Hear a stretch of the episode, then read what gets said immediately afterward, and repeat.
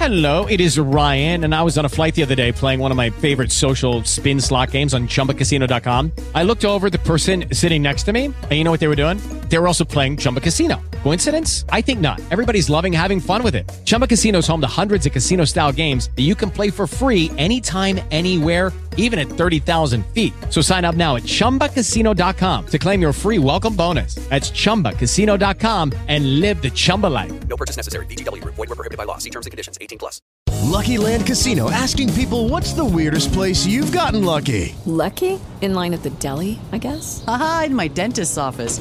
More than once, actually. Do I have to say? Yes, you do. In the car before my kids' PTA meeting. Really? Yes. Excuse me, what's the weirdest place you've gotten lucky? I never win and tell. Well, there you have it. You can get lucky anywhere playing at LuckyLandSlots.com. Play for free right now. Are you feeling lucky? Purchase necessary. Void where prohibited by law. 18 plus. Terms and conditions apply. See website for details. Hazırlıklı olmalısınız. Korkamazsınız. Korkuya verilecek en iyi cevap bilgidir. Geleceğe Not Podcast başlıyor.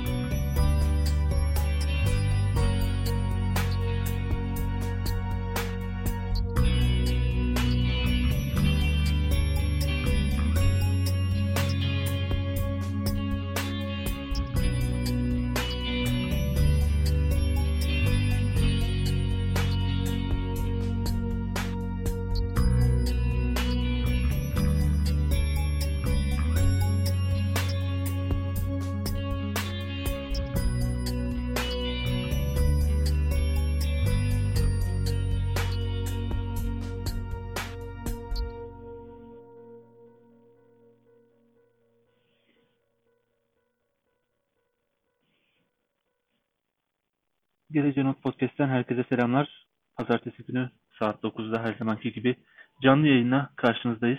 Ben Mümin. Ee, bugünkü yayını e, tek başıma gerçekleştireceğim. Korkulardan bahsedeceğiz bugün. Aslında gelecek ve geçmişten bahsetmek isterdik ama herhalde bu iki terimi yan yana koyunca en çok akla gelen kelimelerden bir tanesi korku, korkular. Birçok konuda karar almamızı, birçok konuda yapacağımız tercihleri etkiliyor. Neden korkuyoruz bu kadar? Açıkçası bunlardan bahsetmek istiyorum. Bir kere yani geçmişte hatırladığımız şeylerden genel olarak yani baktığımızda istatistiksel olarak daha çok insanın mutlulukla hatırladığını görüyoruz. Yani nerede o eski bayramlar terimi ya da söz, söz değişi hepimizin kulağında kalmış bir terim. Ee, ama gelecekten bahsederken tabii ki umutlarımız var içerisinde. Tabii ki hayallerimiz var ama yine de insanları bazen korkutuyor. Ee, bu arada podcast yayını sırasında canlı yaptığımız için istediğiniz zaman bize istediğiniz soruyu iletebilirsiniz. Ee, bu merhaba bile yazmak için kullanabilirsiniz. Şu anda da bir arkadaşımız bize merhaba yazmış. Teşekkür ederiz. Merhabalar herkese. Evet, şimdi e, burada öncelikle belirtmekte fayda var ki yani geçmişi bilmemizin bizi rahatlatma etkisi var. Çünkü insanlar genelde bilmediği şeyden korkuyorlar. Ama geçmişte olan şeyleri bildikleri için geçmişlerinden daha mutlulukla bahsediyorlar. Ve gelecekte de bilmedikleri şeyler onları rahatsız ediyor. Şimdi bunu daha net bir örnekle anlatmak için aslında bir satranç örneğiyle bunu anlatabiliriz. Örneğin satrançta yani her hamle aslında bir sonraki ihtimali tetikleyen bir şey. Ve her olası hamle farklı bir oyunu temsil ediyor. Yani daha iyi bir ha- hamle yapacağının e, yaptığın zaman yani farklı bir oyun tetiklemiş oluyorsun ve e, böyle bakarsan da her oyun aslında her birimizi, her insanı temsil ettiğini düşünürsen aslında binlerce hamle ihtimali, olasılığı söz konusu ortaya çıkıyor. Örneğin ikinci hamleyle birlikte 72 bin tane olası oyun ortaya çıkabilir. Üçüncü hamleden sonra 9 milyon, dördüncü hamleden sonra 318 milyar. Yani daha sadece dördüncü hamlede neredeyse dünya üzerinde bulunan tüm atom sayılarından daha fazla sayıda satranç oyunu var.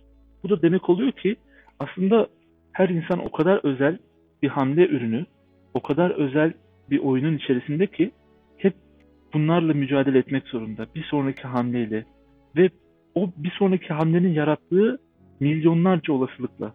Ve bu işte aslında hayat demek oluyor bizim için. Ve hiç kimse ama hiç kimse hepsinin sonucunda bu hamlelerin sonucunda nereye varacağını kestiremez. Çünkü dediğim gibi sadece dördüncü hamlede bu kadar fazla bir ihtimal ortaya çıkıyorken sonunu tahmin edebilmek gerçekten neredeyse imkansız. E böyle olunca ne oluyor tabii ki? İlk hamle çok korkutucu oluyor. Çünkü o ilk hamle bütün hepsinin arasındaki o kapıyı aralayan ilk adım oluyor.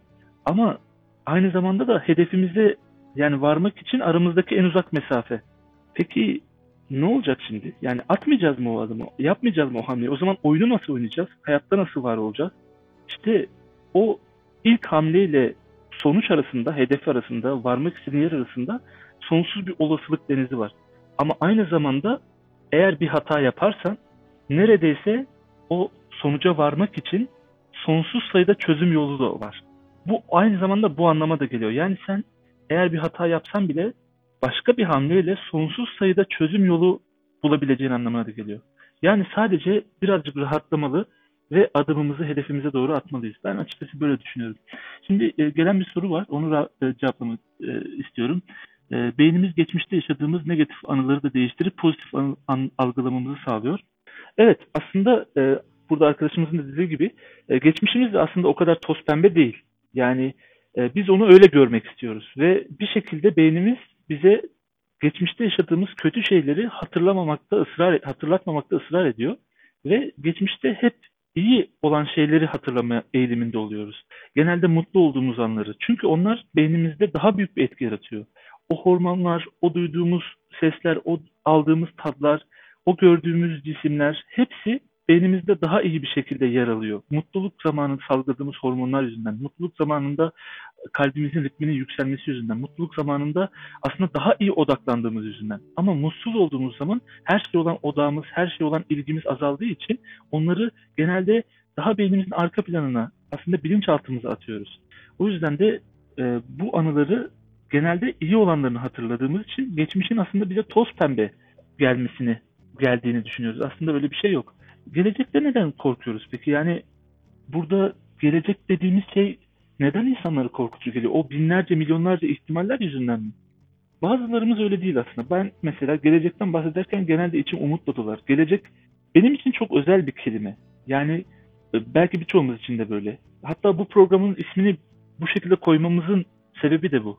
Ee, bir yorum daha var. Ee, bu yüzden günlük tutmak çok önemli e, demiş bir dinleyicimiz. Tabii ki günlük tuttuğumuz zaman yani bize o unuttuğumuz kötü şeyleri e, hatırlamasına, hatırlatmasına yardımcı olabiliriz. E, bu tabii ki kötü bir şey gibi geliyor kulağa ama aslında öyle değil. Çünkü insanlar yaptıkları hatalardan ders çıkarmak zorundalar. Hepimiz böyleyiz. Hepimiz ders çıkartmak zorundayız. Çünkü o hatayı tekrar etmememiz gerekiyor. Ve daha önceki yayınlarda da Sinan'ın dediği gibi insan ömrü çok sınırlı bir yani uzunlukta olduğu için bütün hataları da tekrar etme şansımız yok. Bütün hataları deneyimleme şansımız yok. O yüzden e, kendi hatalarımızı tekrar etmememiz gerektiği gibi e, o hataların yol açacağı başka hataları da, hataları da tekrar etmememiz gerekiyor. Ve aslında biraz da şundan da bahsetmek gerekiyor. E, gelecek korkumuz geçmişte yaşadıklarımızdan mı? Yani e, hani dedik ya az önce burada bazı anılarımızı hatırlamıyoruz geçmişteki kötü anılarımızı. Ama aslında bilinçaltımız onları bir şekilde kaydediyor. Ee, ve bu geleceğimize baktığımız zaman onları bir şekilde etkiliyor. Çünkü yani ne kadar başarılı olsak da ne kadar başarısız olsak da her zaman içerisinde biraz başarı biraz başarısızlık var. Ve bu ihtimaller denizi o başarısızlıkları çoğaltma ihtimali yüzünden bizleri biraz rahatsız ediyor açıkçası. Birazcık da içinde bulunduğumuz coğrafya yüzünden neden böyle olduğunu inanıyorum. Çünkü e, ve pazarlama yöntemi yüzünden. Çünkü e, öyle bir noktadayız ki yani her geçen yıl sanki bir şeyi mesela satın almak daha zor olacakmış gibi hissediyoruz. Mesela bir şeye sahip olmak daha zor olacakmış gibi hissediyoruz. Sanki geçmişte sahip olduklarımız bir sonraki sene mesela onun daha iyisine sahip olmamızın daha zor olacağı anlamına geliyor bize. Örneğin e, enflasyon mesela bunların sebeplerinden bir tanesi. Ya da o kadar böyle hızlı pazarlama aşamasına geldi ki ürünler. Yani sanki o ürünü mesela almazsan yani alsan da mesela bir sonrakinde zaten daha iyisi çıkacak. O yüzden hani bunu aldığın için pişman olacaksın. Yani bu da insanları gerçekten rahatsız eden bir noktaya gelmiş durumda. Ee, yine bir yorum, bir yorum var. Onu da hemen göz atalım. O yüzden kurallar kitabım var ve yaptığım hataları oraya yazarım. Evet. e, benim de açıkçası e, yani böyle bir e, defterim vardı. E, itiraf ediyorum. E, ben ona biraz kara kaplı defter derim. Orada gerçekten yaptığım bir hata varsa onu neden yaptığımı yazıyorum. Bunu herkese gerçekten tavsiye ederim. Ya da bir şeyden vazgeçtiysem o şeyden neden vazgeçtiğimi yazıyorum. Örneğin eski e, şirketimden neden ayrıldım? Bununla ilgili mesela 10 maddelik bir şey tutuyorum. Ya tabii ki orayla kötü ayrılmadım. Tabii ki orayı çok seviyorum ama yani gerçekten orada neden devam etmediğimi e, hatırlamam gerekiyor. Çünkü bir sonraki seferinde yine öyle bir şirkete gidebilirim ya da o şirkete belki geri gidebilirim. Yani bu e, ihtimaller denizindeki bir ihtimal de olsa hala var. Ama oradan neden ayrıldığımı hatırlarsam, oradan neden ayrıldığımı hissedersem işte o yüz, o zaman gerçekten o gün verdiğim kararın arkasında durabilirim ve belki de aynı yanlışları deneyimlemek zorunda kalmam. Ee, yine bir yorum daha var. Ee, minimalizm o, zaten o yüzden önemli. Yani hayatımızda aslında az şeyin olması birazcık o ihtimaller denizini azaltıyor. Yani hesap yapmayı kolaylaştırıyor öyle diyelim. Gelecekteki biraz e, kaygının sebebi de hesap yapmanın zorlaşması. Çünkü yani gerçekten satranç dünyasında en iyi insan bile olsanız ya da belki algoritma bile olsanız yani milyarlarca sonraki ihtimali hamleyi düşünemezsiniz, hesaplayamazsınız. O yüzden hayatınızı ne kadar sade tutarsanız o kadar aslında yönetmek kolay olur. Böylece e, hesaplamak, adım atmak ve doğruluğa ulaşmak, hedefinize ulaşmak daha kolay olur. Yine bir yorum daha var. Geleceğe ve geçmişe bakarken algı kavramına da dokunmamız gerekir, gerekebilir. Evet yani burada tabii ki alg, algımız gerçekten çok önemli. Mesela e, ben bunu siyasette de görüyorum. Yani mesela bir yeni bir hükümet geldiği zaman hemen mesela bir e, klasik tabir vardır. Yani e, enkaz devraldık. Bu aslında ne yapıyor biliyor musunuz? Sizin algınızı öyle bir noktaya taşıyor ki beklentinizi öyle düşürmesine sebep oluyor ki böylece siz yeni hükümetten bir süre aslında bir şey beklemeyin demek istiyorlar aslında size. Sizin bu yeni durumu böyle algılamanızı istiyorlar ve ondan sonra yaptıkları her hamle, her adım, her çıktı aslında bakın beklentinizin çok üstündeydi. Gördünüz mü? Nasıl başarılıyız gibi bir pazarlamaya yol açabilir. O yüzden e, burada nasıl algıladığımız da gerçekten önemli. Şimdi ben aslında şöyle bir soru sormak istiyorum. E, madem bu kadar çok yorum geliyor. e, kimler geleceğe umutla bakıyor peki? Yani hiç kimse bakmıyor değil. Mutlaka birileri geleceğe umutla bakıyor. Mesela siz bakıyor musunuz? Bir düşünün kendi içerinizde. Düşündünüz mü? Bakıyor musunuz? Öncelikle bir yorum var. Onu okuyayım ondan sonra kendi cümlemi söyleyeyim. Geleceğe ben umutla bakıyorum ama bu tamamen algısal bana göre. Her şey aslında algıyla ilgili. Evet. e, ben şimdi bugün tabii ki Sinan'dan yoksun olduğum için birazcık da karamsar olduğum için böyle hissediyor da olabilirim ama gelecekte bizi bekleyen şey aslında son, ölüm, yaşlılık. Biz ne zaman mesela yani öleceğiz biliyor musunuz? Hiçbir şey yapma isteği içimizde kalmadığı zaman. Hiçbir şey değiştirme isteği içimizde kalmadığı zaman. Peki bu son mutlaka gelecek mi?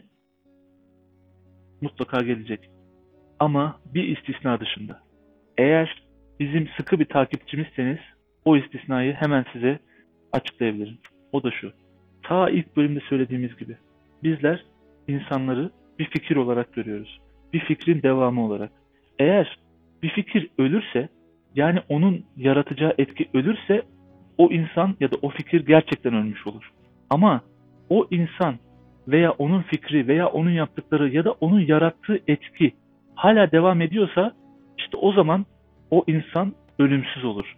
İşte o zaman o son diye bir şey olmaz. O zaman ölümden bahsetmek, o zaman yaşlılıktan bahsetmek, o zaman bir şeyleri değiştirmekten bahsetmek diye bir şey kalmaz dünyada. Yeter ki o şeyleri değiştirebilecek bir etki yaratın. Hayatınızda, çevrenizde, insanlık adına, kendiniz adına, aileniz adına, soyunuz adına, belki de ırkınız adına o etkiyi yaratabilecek bir şey üzerinde çalışın. Yani dünyaya bir şey bırakın. En azından bir ağaç, en azından bir patent, en azından bir ürün, en azından bir fikir. Yani yeni bir insan. Çünkü biz insanlar olarak bütün her şeye muhtacız. Size de, başkasına da, başka bir fikre de. Başka yorumlar var mı diye hemen göz gezdiriyorum. Bence ölüm çok karmaşık bir soru. Neyin ölümü? Karakterin mi yoksa vücudun mu? İnsanlar zaten ölmez, fikirleri ölür. Çünkü fik- fikirler birer umuttur. Bir sorunun çözüm umudu. Evet, fikirler bir umuttur. Güzel bir cümle, güzel bir motto. Aslında bir fikir demek her zaman aslında bir çözümü tetikleyecek, bir, bir, soruna karşı bulunan bir şey. Aslında çok güzel bir motto. Bunu çok beğendim. Ve içinde mutlaka her fikrin birazcık da olsa umut var. Bu beni çok yani motive eden bir şey. İçinde birazcık da olsa umut olması. O yüzden aslında e, yeni fikirleri çok seviyoruz. Hepimiz için bence bu geçerli.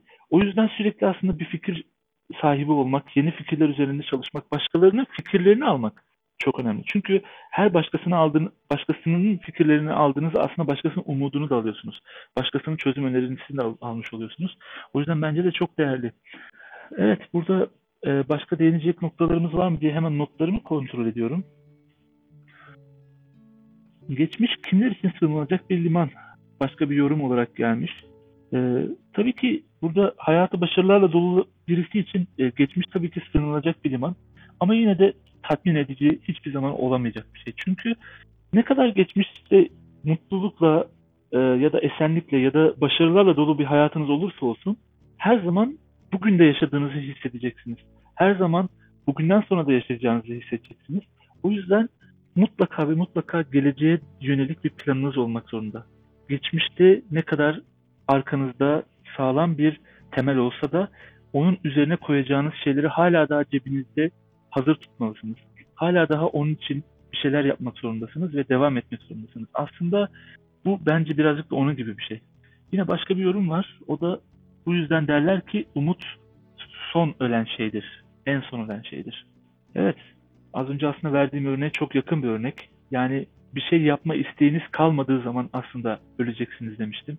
Bu da tam olarak aslında onun gibi. Yani bir şeyleri değiştirmeye umudun kalmadığı zaman aslında ölüyorsun. Ee, böyle bir durumda hiçbir zaman hiç kimseyi bulmak e, gerçekten istemem.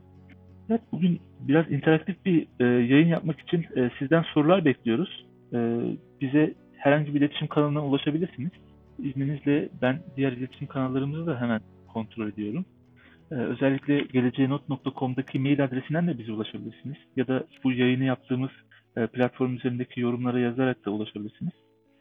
Evet, yine bir mesaj geldi. Onu okuyalım hemen. Ama şu da var ki umut acı çekmenin sonudur. Umut var ise acı artık yoktur. Çünkü o kadar fazla acı çekmişsindir ki artık elinde sadece umut kalmıştır. İnancın tarihi inancın tarihi bitince umuda dönüşür. Ben de şöyle düşünüyorum. Ee, şöyle bir nokta var aslında. İnsanlar yani tat alma duyusu gibi aslında hafızalarında da bu hisleriyle alakalı bir duyusu, duyusu var ya da doyma noktası var diyelim. Yani mesela bazen yaşadığınız şeyler, yaptığınız şeyler sizi başarılı olmanıza sebep oluyor. Ya da başarmanıza başa, başarıyorsunuz yani bir şeyi. Onun karşılığını hissettiğiniz bir duygu var. Şimdi onu hissettikten sonra artık aynı başarıyı aldığınızda bile örneğin şöyle bir örnek vereyim. İşte ilk maaşınızı aldığınız zaman yani onu onun duygusunu bir hatırlayın şimdi. Onun size yaşattığı yani bir şey üretmiş olmanın karşılığında bir şey kazanmış olmanın size yaşattığı hazzı düşünün. Sonra ikinci maaşınız yatıyor. Sonra üçüncü maaşınız artık bir nokta sonra diyorsunuz ki yani bu maaş bana yetmiyor ya. Yani artık ihtiyaçlarımı karşılamıyor yani. Öyle bir şey oluyor aslında. O ilk maaşınız size halbuki ne kadar değerli gelmişti. O ilk ürettiğiniz şey size halbuki ne kadar fazla şey katmıştı ya da sizi ne, na, nasıl hissettirmişti değil mi? İşte insanların da bence böyle e, yani duygularla alakalı, hissetmelerle alakalı da bir doyum noktası var.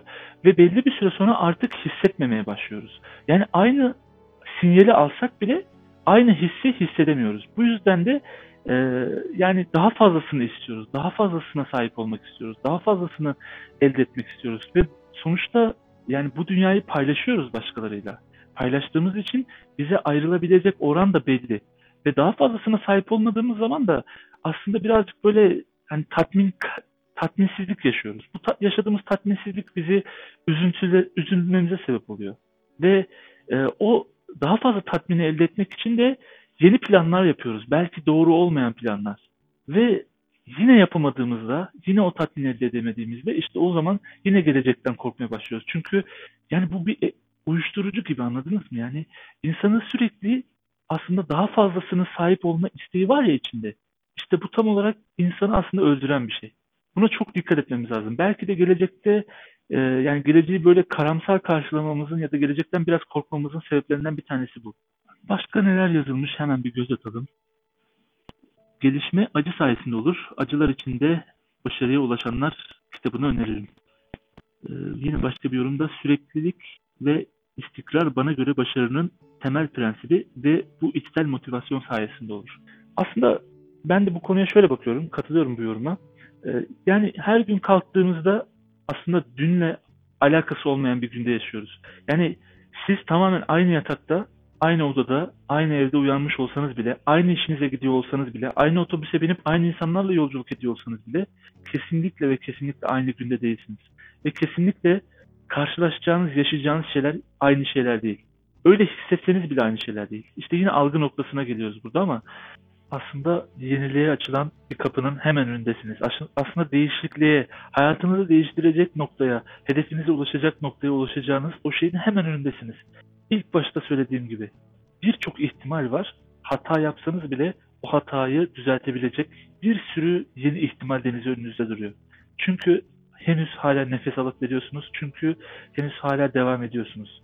O yüzden her seferinde farklılık katmak, farklılık yapmak, farklı düşünmek, farklı konuşmak, farklı insanlarla bir arada olmak, farklı fikirleri tartışmak, farklı yoldan eve dönmek, farklı yemekler yemek, farklı yerlerde bulunmak insanları o yüzden daha mutlu ediyor.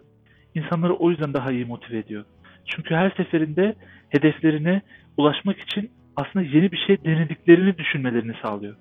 Bu yüzden kesinlikle aynı insanlarla aynı şeyleri konuşmaktansa farklı insanlarla farklı şeyleri konuşmak, farklı düşüncelere sahip olmak, farklı fikirleri değerlendirmek, kabul etmeyi düşünmek ya da onlara yeni bir şey katmayı düşünmek her zaman çok daha faydalı olduğunu düşünüyorum. Yine yorumlardan bir tanesi de e, YouTube ve Instagram'da e, motivasyon konuşmaları yapan bir sürü kanal olduğuyla alakalı.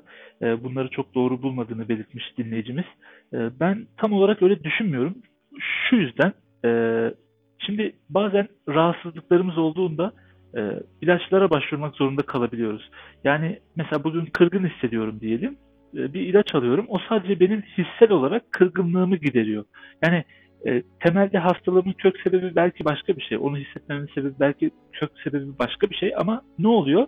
E, o benim öyle hissetmememi sağlıyor. Öyle hissetmeyince o gün için ben daha verimli oluyorum. O gün işlerimde, o gün arkadaşlarımın yanında, o gün sosyal çevremde, aileme karşı hissettiklerim, söylediklerim, yaptıklarım daha üretken, daha farklı, daha olumlu oluyor. Ve bu benim hayatımı bir şekilde pozitif şekilde yansıdığı için ne yapıyorum? Bir daha böyle bir hissiyata kapıldığım zaman gidiyorum aynı ilacı alıyorum. Aslında bu suni bir şey. Aslında yapay. Yani gerçekte kök sebebi çözmüyor. Ama ne oluyor? Benim kök sebebi çözmemde bir fayda sağlıyor. O yüzden ben bu motivasyon konuşmaları yapan kanalları ya da onun gibi e, yayınları aslında çok yanlış bulmuyorum. Hatta ara sıra e, bunları dinlemenin yani belki karamsar hissettiğimizde, belki kötü hissettiğimizde dinlemenin faydalı olacağını inanıyorum. Hatta şöyle bir şey var. E, belki bilenler bilir. Başka bir şey diye bir YouTube kanalı vardı. Ben çok böyle yeni projeler üzerine çalışmayı çok severim. Benim hobim diyebilirim yani yeni projeler üzerine çalışmak, yeni fikirler üzerine çalışmak. E, birçoğumuzun da olduğu gibi. Başka bir şey isimli kanal yani inanılmaz bir video serisi başlattı. Yani bir Türk girişimcisi yaptığı yenilikleri, şirketinde uyguladığı yöntemleri, e, pazara nasıl açılabileceğini, ya da işte ihracatın nasıl yapılabileceğini, aslında fikirlerin nasıl devreye alınabileceğini anlatan çok ilham verici bir video serisi başka bir şey. Yani bunu izleyince inanın hani insan harekete geçmeye çalışıyor. İnsan bir şeyler yapmak istiyor. O aslında hep yapmak istediği şeyi bugün tekrar denemek istiyor. O yüzden yani temelde sizin o şeyi yapmamanızın sebebi belki para, belki vakit, belki başka bir şey. Yani kök sebebi hala çözmüyorsunuz ama sizi yeniden olaya motive etmesi bile bence çok değerli bir katkı. O yüzden ben bunları kesinlikle olumlu karşılıyorum. Evet, sesin kötü olduğuyla alakalı bazı yorumlar var. Ee, ayrıca e, bugün e, Sinan'dan da yoksun olmamızdan dolayı e, sizin yorumlarınızın üzerinden bir sohbet gerçekleştirmeye çalıştık. O yüzden yayını çok uzatmayacağım. Yorumlar hemen hemen hepsini e, değerlendirip hepsine cevap vermeye çalıştım. E, bir sonraki hafta pazartesi günü saat 9'da 6. bölümle e, karşınızda olacağız. Geleceğe nottan bu haftalık şimdilik bu kadar. Hepinize radyo yayınımıza katıldığınız için teşekkür ederim. İyi haftalar herkese. Şimdiden 2020 yılı hepimiz için çok daha sağlıklı, çok daha mutlu, çok daha başarılı bir yıl olması dileğiyle. İyi akşamlar.